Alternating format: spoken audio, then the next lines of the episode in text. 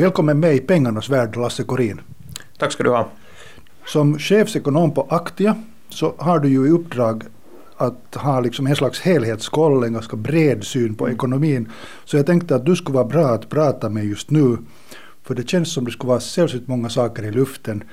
Eh, många saker som påverkar alltså hushållen och ekonomin. En, en oro som åtminstone jag känner och som jag vet att många andra känner som har att göra med så många saker.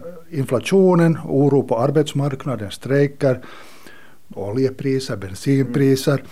Räntorna går upp och aktiepriserna går ner. Oj, oj. Kan vi börja med den stora bilden? Var är vi nu i Finland i förhållande till allt det här som händer i, i världen? Kinas eh, ekonomiska utveckling håller visst på att avmattas. Mm, ja. Hur påverkar kriget allt det här? Va, vad har du för helhetsanalys just nu? Om vi tänker först på de saker som nu påverkar mer eller mindre andra länder så är det ju råvarupriserna. Det är något, den utmaningen eh, accelererar speciellt nu i och med det här kriget och, och sanktionerna och hela den ryska ekonomin som man, man håller på att stänga den ut från, från globala ekonomin. Och vi vet att Ryssland är en väldigt Eh, vild, viktig exportör av, av, olika råvaror. Och de, råvarorna är ju sådana att de, de går inte lätt att ersätta och det reflekteras, det reflekteras då i priserna och det reflekteras också då att det finns inga snabba lösningar. Nå, sen, en, en annan sak som jag skulle säga har påverkat nästan alla länder är Kinas coronabegränsningar, inte bara nu utan också tidigare. För vi vet att Kina är världens fabrik och det produceras listan är otroligt lång på olika saker som Kina producerar och i och med att de hade de här begränsningarna så det syntes sen på de marknaderna som konsumerar de här varorna, främst då Europa och, och USA och det syntes då både i priserna men också i brist på olika uh, varor.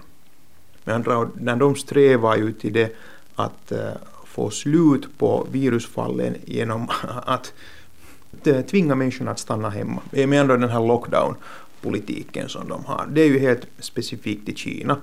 Och de har gjort det nu och det är något som skadar hårt den kinesiska ekonomin på kort sikt när de är tvungna att stänga ner fabriker. Det syns också såklart på marknaderna som köper varor från Kina. Jag har sett att flera finländska företag har konstaterat också att de har problem att hålla fabrikerna igång. Ja, No, sen om vi uh, far över och tittar vad är då situationen i USA? Och I USA är ju ekonomin otroligt stark. Uh, väldigt låg arbetslöshet. Praktiskt sett de har brist på, på arbetskraft. Och samtidigt har de en hög inflation. Uh, och det sätter ju då en, en egen utmaning för den amerikanska ekonomin. Nu måste de börja mm, strama åt den här stödpolitiken som de har haft när de har försökt stödja ekonomin med låga räntor. Och nu höjer de räntorna i USA, de har redan höjt två gånger. Men att det är det då om USA, att, att i, i kort sikt så kan man säga att USA är i det skedet att de måste vidta åtgärder för att den här ekonomin är för stark. Och sen om vi kommer över till Europa så vi har ju inte, vi har inte på det sättet coronaproblem i Europa som Kina har. Vi har, vi har inte den här problemet med stark ekonomi som, som USA har. Vi har visserligen hög inflation i Europa. Och inflationsstrukturen är visserligen åtminstone ännu annorlunda. Att här har vi nog mest energipriserna som driver ännu den här inflationen. Vi vet nu att, att energi påverkar ändå allt som vi konsumerar. Är det då att köpa, köper kläder så kläderna transporteras i något skede med lastbil eller, eller fartyg och, och där, där finns då inbakat energi i klädpriserna. Om vi flyger någonstans så flygbiljetterna är ju något och vars priser påverkas jättemycket av energipriser. Så, så om energipriser hålls länge uppe så är ju rädslan sen att sen börjar den där pristrycket sprida sig till andra produkter och, och tjänster och sen sprids den inflationen med andra då är det flera och flera produkter och kategorier var priserna stiger. Senast i det skedet måste centralbanken då börja, börja höja räntorna. Hur är det med, med, Finland? Är vi liksom i sämre läge nu ekonomiskt alltså än, än till exempel Sverige eller andra europeiska länder när vi har den här långa gränsen till Ryssland? Är det så att folk vågar inte investera här för att det finns någon slags oro för, ja, för Ryssland. Mm. Jag skulle säga att, att direkt oro för att investera i Finland, så det, det märks inte ännu i, i betydande skala. Och jag tror inte att det är något som kommer heller att vara avgörande för Finland. Men uh, om, om, om du vågar dig på en spekulation då, eller en, en, en tanke här att påverkar NATO, det att vi kommer att tydligen kommer att gå med i NATO så, så betyder det liksom positivt ur ekonomisk synvinkel? Mm, jag, jag, tror inte att vi kommer att se någon eh, boost i ekonomiska verksamheten på grund av NATO. Men sen igen, eh, om vi, vi vet att Finland lider av en brist på investeringar i Finland. Och vi har inte riktigt, når, no, äh, vi har inte riktigt råd att förlora några investeringar som eventuellt skulle vara på väg hit. Så därför tycker jag att NATO-medlemskapet från en, en ekonomisk perspektiv är, är nog äh, jag skulle säga det, det, är positivt. Men att vi har ju sen ändå våra egna utmaningar, för vi har demografiska utmaningar, sån brist på investeringarna som jag sa, så de försvinner ju ingenstans i och med NATO-medlemskapet. No, om vi sen går till mera konkreta frågor för, för vanliga konsumenter, vanliga hushåll, mm. alltså bensinpriserna har det talats om massor nu och du vet varenda en som ställer sig vid pumpen mm. att nu eh, börjar det på en tvåa och så vidare. Men du skrev i en blogg att bensinpriserna i själva verket sjunker. Tolkar jag det för det första rätt? Och hur kan det vara möjligt? Jo, jag skrev faktiskt... Eh, det, det, som jag skrev i bloggen, det kanske... Det är nog en tid sedan, det var på förra årets sida.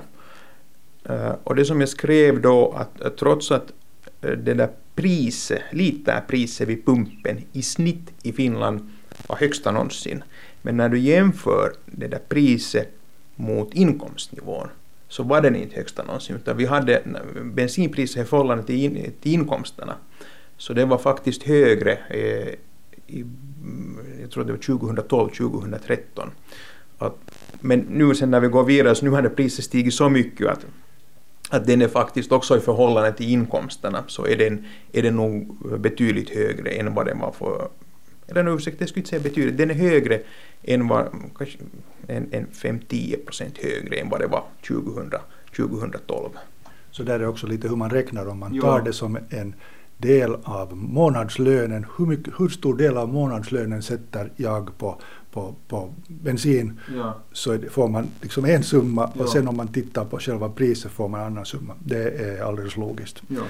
Uh, det, det talas massor om inflationen och, och, och, jag tänkte alldeles kort fråga dig också här att finns det positiva, alltså kan vi räkna med att våra bostadslån blir liksom mindre nu tack vare inflationen? No, faktum är ju det att att om, om du har, vi säger att du har fast 100 000 bostadslån för tillfället, så det händer ju inte något åt det där bostadslånet oberoende vart inflationen far. Stiger inflationen eller sjunker inflationen. Men det som ju kan hända var då inflationen eh, kan hjälpa till med det lånet, det är att om inflationen leder till det att lönerna börjar stiga, så då kan vi ju säga att, att eh, det förhållande av lån till inkomsterna så den börjar minska. Att om inkomsterna stiger, börjar stiga i och med inflationen så då blir det ju teoretiskt sett lättare att sköta om det här lånet, du har mindre lån i förhållande till dina inkomster. Men sen är det ju andra saken att oftast när inflationen stiger så stiger också räntorna. Och det betyder att, att trots att inkomsterna stiger så sen måste du använda lite mera pengar för att uh, sköta om det där lånet om, om räntorna stiger. Vi sitter alltså här i pengarnas värld med Lasse Korin från Aktia, chefsekonom, och diskuterar alla de saker som påverkar hushållens ekonomi. Och det känns som det skulle vara en hel del orosmoln och vi försöker på något vis också jag försöker fråga Lasse här att hur, hur saker påverkar varandra. Och det här var ju ett bra exempel, det som du nu tog. Eh, sen vet vi ju att antalet småplacerare har ökat jättemycket under de mm. senaste åren. Finländarna har faktiskt börjat placera mm. och eh, samtidigt så har vi nu då en situation att det verkar som om aktiernas pris går ner, eller mm. börsen går ner och alla de här portföljerna som vi nu har, så deras värde minskar nu. Mm. Så det, det, är klart man blir orolig för det också. Mm. Va, va, vad har du för kommentar till det? Jag menar, ni, ni banker har uppmanat folk att placera mm. aktier mm. också. Ja. Och, och, nu har alla börjat placera och nu sjunker aktieportföljens värde. Jo, det är sant och det som jag tycker speciellt med aktiesparande, om vi säger så att jag, jag började själv aktiespara för 23 år sedan, före IT-bubblan, så i, i, mina beräkningar så det här fjärde gången jag är nu med om att börskurserna kommer, kommer kraftigt ner. Så det var IT-bubblan och så var det finanskrisen 2008. Sen kom corona och nu kom då det här som vi, som vi upplever som, som bäst. Och det som, som placeringsrådgivare kontinuerligt poängterar är den här diversifieringen. Att det bästa sättet nästan är att man köper, att man diversifierar då olika bolag, olika geografier, men också tidsmässigt. Med andra ord att man köper regelbundet, för då, då är man med och köper också när det kan vara dyrare, men då är man också med och köper när det är billigare, så som det, så som det är för tillfället. Men om man sen funderar att, att vad är det som egentligen driver nu ner aktiepriserna, så jag skulle se två stora helheter. En är såklart den här oron som kommer i och med kriget, som kommer i och med att vi har inte ännu kommit över corona. Jag vet inte, kommer vi någonsin att komma överens om corona, men, men kanske mer den här oron som kommer från Kinas eh, opraktiska coronapolitik med, med lockdowns och så den, den, den oron. Och en annan sak är det att, att räntorna stiger. För att som från placerarnas synvinkel så du har ju flera olika alternativ. Man kan placera i aktier, man kan placera i räntor. Och det som har hänt de senaste tio åren är ju det att räntorna har varit otroligt låga, så man har fått dålig, kanske till och med negativ avkastning från, från ränteplaceringar. Och det har då drivit eh, en stor del placerare att placera i aktier, för där har du ändå med, med dividendbetalningar plus att aktiepriserna har stigit kraftigt de senaste tio åren. Så du har haft en positiv avkastning. Men nu håller det här på att ändra för att räntorna stiger så du börjar faktiskt få avkastning från eh, ränteplaceringar också. Och, och då eh, vänds om den här, det här flödet från pengar från räntor till aktier, så nu börjar det sen få pengar från aktier till ränteplaceringar igen. Och när sen placerarna börjar sälja aktier så börjar sen, sen aktiekurserna också falla. Alltså är det här ekonomiska läget nu, Lasse Korin, värre än på länge? Alltså det känns med, som det skulle finnas en massa osäkerhetsmoment som vi här nu mm. under den här uh, lilla stunden har hunnit diskutera. Eller, eller känns det bara så? No här, ja, jag tycker att om... Jag har jobbat i den här positionen dryga två år. Och under två år tycker jag att det har hänt två stora kriser. Första var coronakrisen och andra är nu det här uh, Ukraina-kriget. Så det har ju hänt mycket och, och, och, det händer sällan så här mycket på så här, så här kort tid. Och det finns mycket orosfaktorer, det, det, det här, det, det, kan man inte eh, neka på något sätt. Men jag försöker nog alltid vända det eh, till det positiva. Till exempel här Kinas lockdowns, det är ju något som inte kommer att hålla på i all evighet. Att de måste också inse att det är en ohållbar politik och stänga människor kontinuerligt in i sina egna hem. Det bara fungerar inte. Att de måste titta på något annat eller sen måste de börja köpa mera västerländska vacciner som har ändå bevisats att de fungerar riktigt, eh, riktigt bra. Men sen har vi ju råvarumarknaden och energimarknaden som, som det här orsakar problem speciellt i Europa för att vi importerar så mycket energi från Ryssland. Det stämmer, det, på kort sikt orsakar det stora utmaningar.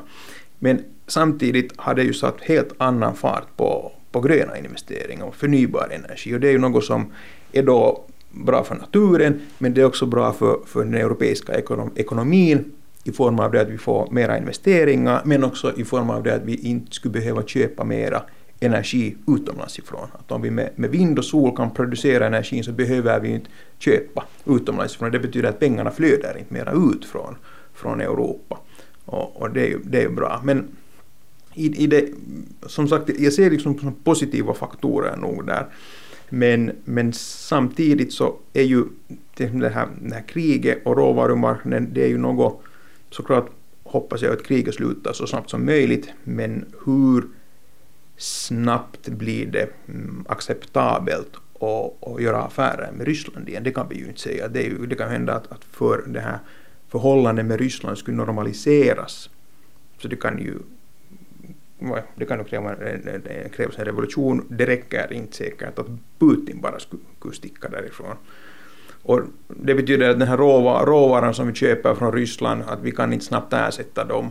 Och det leder till att det här blir en, en, en mer långvarig påföljd i den, i den eh, globala ekonomin. Och sen, sen har vi också den här inflationsbilden som nu tvingar då centralbankerna att agera, speciellt i USA som vi talar, där håller de på att och höja räntorna. vi har ju haft nu en, en lång, lång period var vi har kanske till och med blivit lite bortskämda med de här exceptionellt låga räntorna och hur slutar det här? Kommer vi se att räntorna stiger väldigt högt?